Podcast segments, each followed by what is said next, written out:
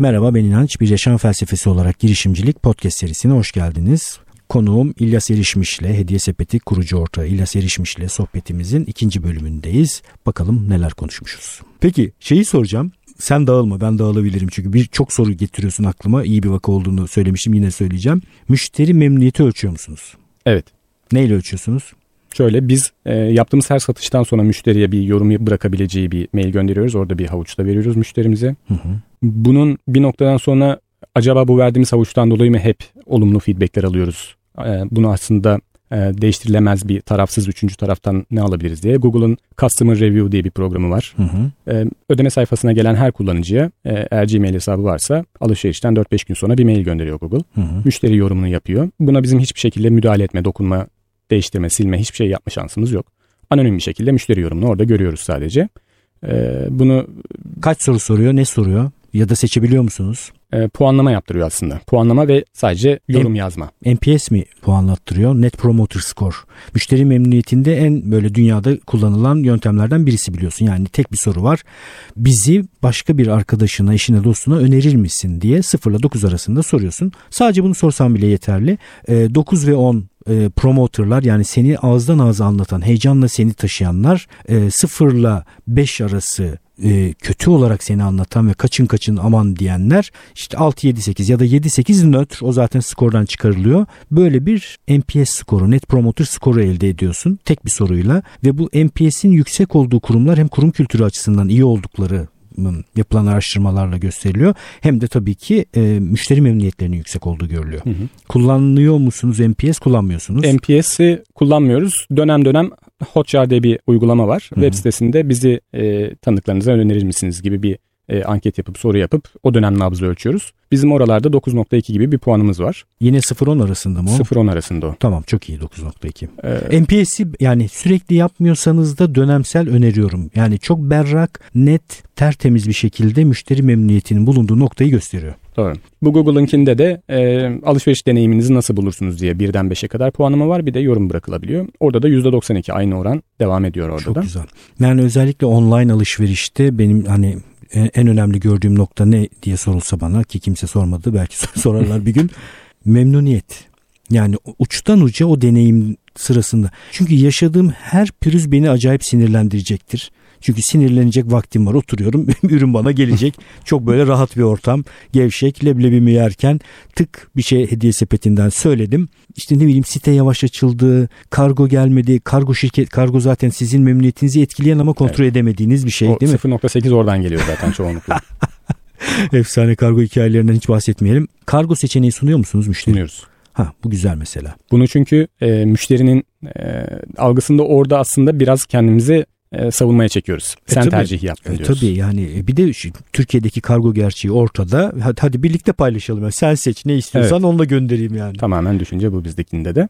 E, burada aslında e, anketlerle ilgili belki bir örnek vermek isterim. Biz e, tasarımcı kimliğinin e, verdiği bir şeylerden biri bir markayı oluştururken biz hediye sepetinde dönem dönem hedefler koyuyorduk. İşte bir dönem hediye paketini iyileştireceğiz. Bir dönem sitedeki sipariş verme e, anından teslimata kadarki bilgilendirme süreçlerini iyileştireceğiz gibi.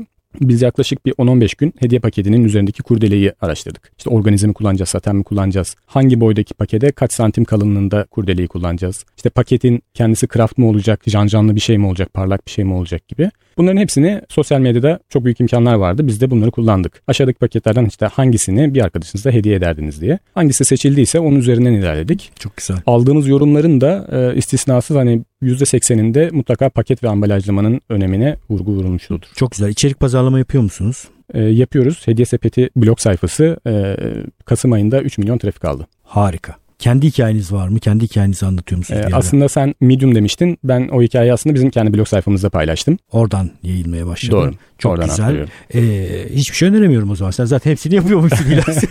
hepsini canavar gibi yapan birisi var. Marka okulu okumuş. Var var. Arada bulacağım öneriler tabii, tabii. sana. Devam. Peki. Olmasa zaten hani sen dinledikçe bu kurum kültürüne de çok, onları çok, çok enjekte ediyoruz. Peki evet. oradan biraz soru soralım. Kurum kültürüne geldik madem. Çalışandan verim almak gerçekten zor. Ne kadar böyle ustalıklı yönetici olursan ol şu nedenle zor. Çalışmak zor bir şey yani. Hı hı. Değil mi? Hepimiz bunu evet, biliyoruz yani. Evet. Benim çalışmaktan hiç haz etmediğimi bilmeyen kalmamıştır herhalde. Şimdi bu kadar zor bir şeyi motivasyonu yüksek çalışanları elde etmek üzere nasıl ele alıyorsunuz bu çalışma konusunu? Çok güzel. Bizim her işe alımda, her e, birebir görüşmede, arkadaşlarımızla yaptığımız diyalogda aslında şu var. Çok şanslıyız. Hediye işi yapıyoruz. Yani bir mutluluk anının enstrümanı hediye. E, hediye alan var, hediye verilen var. İki mutluluk e, anındaki keyifli insanın ortasında da hediye sepeti olarak biz varız. E, müşterimizi memnun edeceğiz. Hediye alan kişi, tüketicimizi memnun edeceğiz. Bunların mutlu olabilmesi için bizim burada mutlu olmamız lazım. Bizim ekipteki arkadaşların hemen hepsi için verdiğimiz şey bu. Yani sen mutsuzsan buradan bir şey başarılı Kesinlikle. çıkmaz. Kesinlikle çok doğru. Ee, İşe alım sırasında da tabii buradaki e, mutlu olacak ve olabilecek ya da mutlu insan az çok belli oluyor görüşmede. Doğru. Doğru. Onu onu hissedebiliyoruz. Yakalayabildiğimiz, e, kimyamızı tutturabildiğimiz arkadaşlara bunu aktarıyoruz. Her şeyden önemlisi de ne ekip içinde kendi kendini organize edebilen bir ekip olması. Artık hani benim dahil olmadığım bir iş görüşmesinde de bakıyorum arkadaşlar aynı cümleleri kuruyor. Onlar kendileri bu ortamdaki e, Bir kültür öğesi, kültürden. mutlu olmak Evet. değil mi? Evet, evet. Bizim birinci şeyimiz o.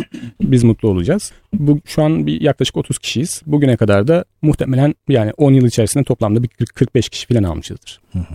Yani burada turnover'ı çok düşük bir firmayız. Gelen arkadaşlarımızı içeride mutlu edip e, onların da keyifli bir şekilde işin içinde kalmasını sağlayabiliyoruz. Bunu ben hani ekip kültürü açısından en değerli bulduğum şey bizde bu. Çok güzel. Çok doğru bir nokta. Zappos falan da mesela bu böyle efsanevi taraflarıyla tanınır. Yani o daha çok tabii müşteri memnuniyetinin efsane olmasıyla tanınan bir marka. Ee, Ama müşteri memnuniyetini çalışanını mutlu etmeden sağlama mümkün olmadığı için mantıksal olarak zaten o da ona bağlı. Dolayısıyla mutluluk ve memnuniyet odaklı bir marka olmak gerçekten bence çok yüksek kaldıraç gücü olan bir şey. Burada tabii testlere falan devam etmek lazım. Growth hacking kullanıyor musunuz? Bir takım büyüme taktikleri, teknikleri deniyor musunuz? Ya da bu alanını sahiplenen birisi var mı şu anda? Ee, ya bu bahsettiğim işte hediye sepeti blok projesi aslında bunlardan birisi. Onlardan biri evet. Evet e, bir arkadaşımız full ona odaklı ve onunla ilgileniyor.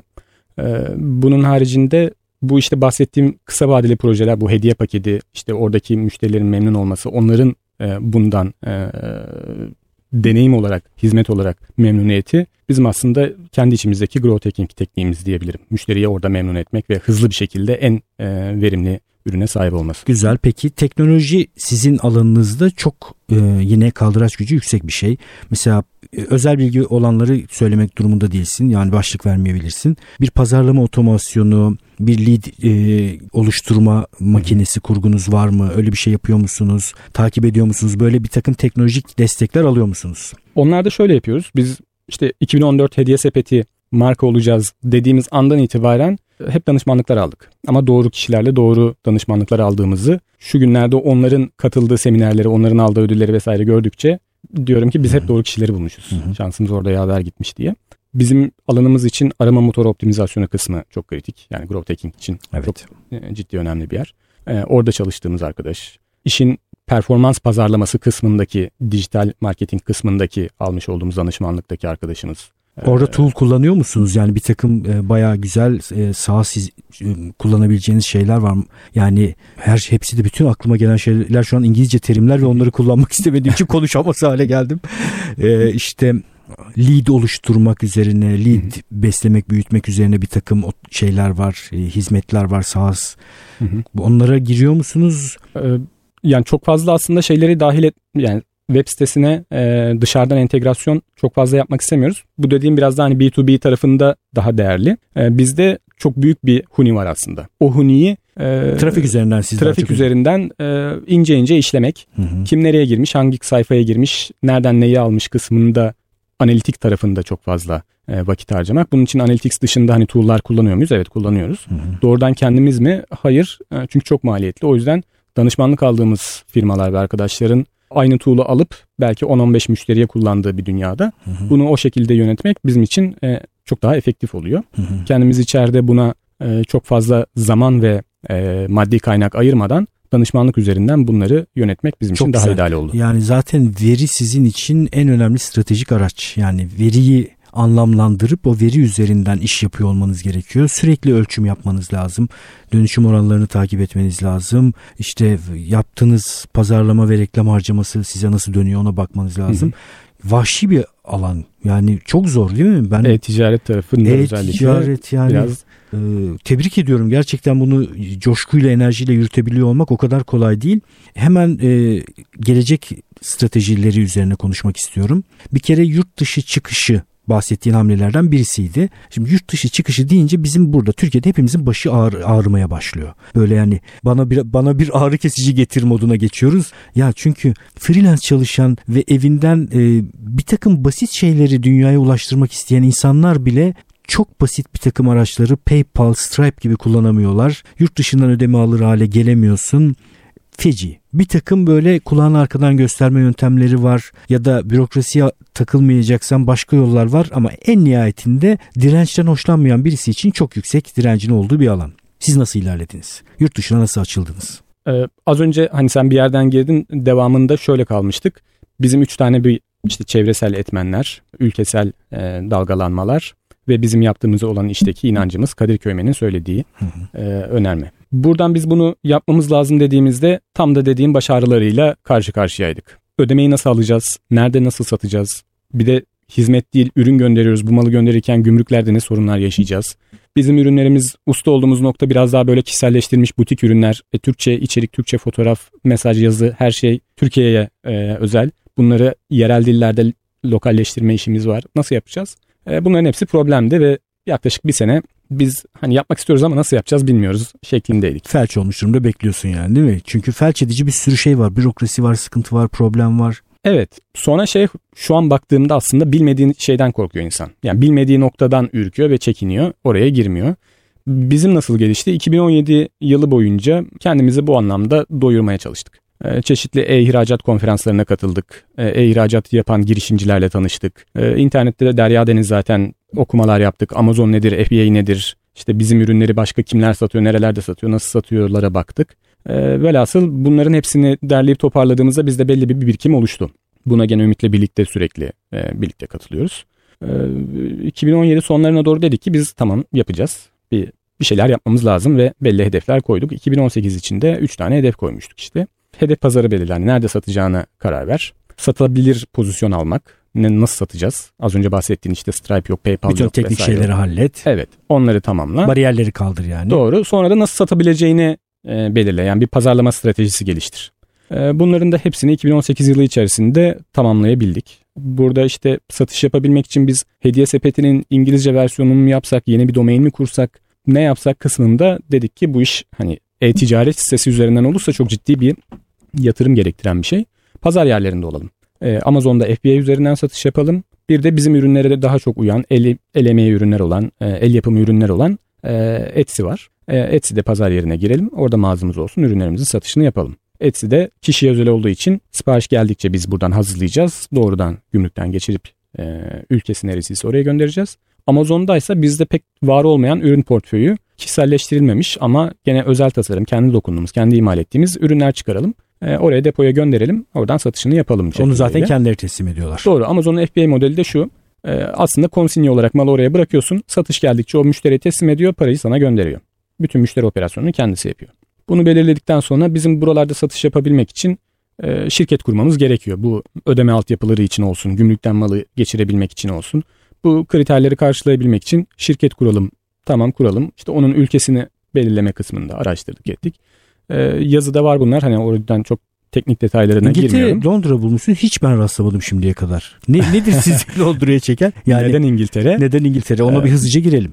Tamam. Yani şöyle aslında biz o dönemde şirketi kuracağız ama kimle kuracağız, nasıl kuracağız? Çok ciddi işte ajanslar var, avukatlık hizmeti veren firmalar var. Ee, bunlarla görüşüyoruz, ediyoruz. Bir, bir güven duymamız da lazım. Çünkü biz bir fiili orada bir organizasyon kurmayacağız. Buradan yöneteceğiz. Hem Avrupa'ya satış yapmak istiyoruz hem Amerika'ya satış yapmak istiyoruz. Hedefimiz batı pazarlar. Burada işte Global Trust adında bir firma arkadaşımızın firması. Onlar bu işi yapıyor. Ee, ikna edici oldu. Neden İngiltere kısmının sebebi e, doğru bir partner bulmak aslında.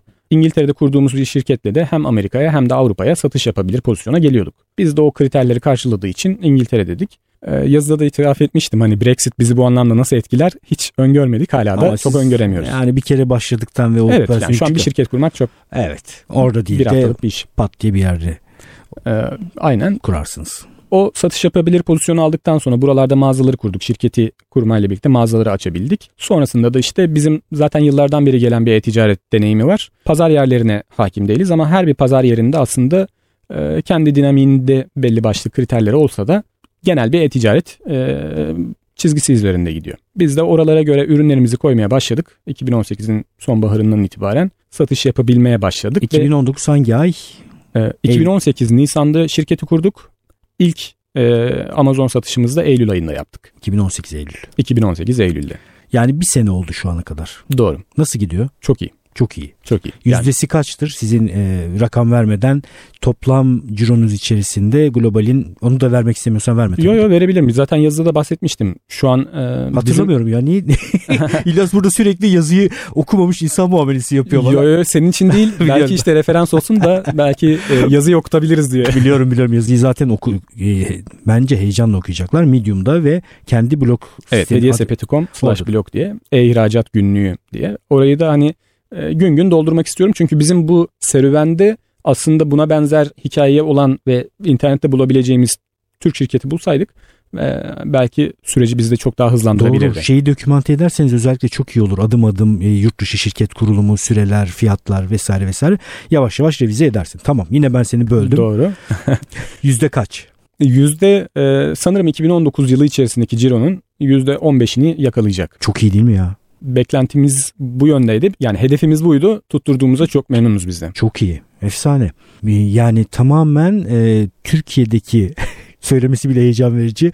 Tüm koşullardan bağımsız %15'lik bir akış. Doğru. Bir, bir kere bu şunu da gösteriyor. %15 olabilecek herhangi bir şey %100 de olabilir. Yani bir herhangi siz siz değil de başka birisi mesela tamamen buraya kanalize olarak tamamen globale çalışacak bir işi kurgulayabilir. Türkiye'den yönetebilir. Doğru. Çok doğru. güzel. Gerçekten çok tebrik ediyorum. İyi iş başarmışsınız yani. Teşekkür ederim. Orada rastladığınız bir takım sıkıntılar oldu mu? Yoksa her şey tıkır tıkır. Yok.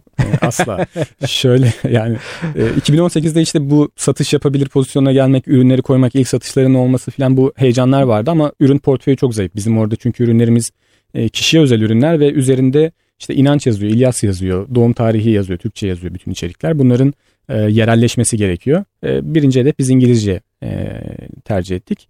E, tüm ürünlerimizi yavaş yavaş İngilizce içeriklerle doldurmaya başladık. Yani ürünün sadece grafik kısmı değil, fotoğrafları değil, yeniden çekilmesi kısmı değil. İşte başlığını, içeriklerini, açıklamalarının da kültürel bir takım hamleler yapmanız gerekti. Doğru. Bunları yapmak e, hem zaman aldı hem de yani şöyle ekip kültüründe bunu oturtmak da zor. Yani şu an biz 10 yıllık bir geçmişe sahibiz. Bugüne kadar her şeyi Türkiye özelinde yaptığımız için içerideki ekibin de aslında tüm bakış açısı bu yönde. Biz artık yurt dışında da bir şeyler yapıyoruz demek çok heyecan verici. Tüm ekip de bunu alıyor. Ama yaptığın işler bir noktadan sonra buna silolaşma denebilir belki. Ee, Türkiye'de yapılan iş yurt dışı. İşte Türk müşteri, yurt dışı müşterisi. Ee, bu ürün işte hediye sepetinde satacak, bu ürün yurt dışında satacak gibi ayrımlar olduğu noktada hep bir öteki oluyor. Biz bunu bütün olarak bakıp hediye sepeti bir kanal, yurt dışındaki satış yaptığımız diğer taraf başka bir kanal. Yarın bir gün kendi e-ticaret sistemimizi kurduğumuzda o üçüncü bir kanal gibi gibi kurgulayıp aslında bütün olarak biz ekip olarak hepsinin sahibiyiz ve içeriye vermek. İşte müşteri temsilcisi İngilizce bilen kişi müşteri destek ekibinde A kişisi ise hediye sepetindeki B kişisi olsun istemedik. Biz müşteri destek ekibi bir birim olsun bu birimin kanalları nasıl Türkiye'de sipariş sonrası A kişiye sipariş öncesi B kişiye gidiyorsa yurt dışı tarafında İngilizce bilen de C kişisine gitsin ama bu bir bütün olsun. Çok güzel. Çok iyi bir hizalanma sağlar. Öbür türlü dağılır gidersin. Doğru. Yani bunu bunu kurmak bizde e, zaman aldı. Bunu bunun üzerine çok Bunların tamamı bence bu arada İlya senin tasarımcı olmandan da gelen bir tarafı var. Yani tasarımcıyı tasarımcı gibi düşünmeyi özümsedikten sonra her şey tasarım işi. Doğru. Mesela bu öyle mi olsun böyle mi olsun başka birisi için mesela ya canım müşterinin telefonu gelsin biz de ona cevap verelim de nasıl olursa olsun e, gibi hmm. bakılabilir. Yok bayağı şey tasarımı bu yani şirket tasarımı öyle bir kategori de var bu arada şirket tasarımı. Evet, evet. inanıyoruz buna doğru. doğru. Yani süreç tasarımına organizasyon tasarımına inanıyoruz biz de buna kafada yoruyoruz ve e, haftalık toplantılarımızda da kendi içimizde bunları e, sürdürmeye çalışıyoruz. Bu arada Ümit ve ben varım ama şu an şirket 5 yönetici ortakla idare ediliyor.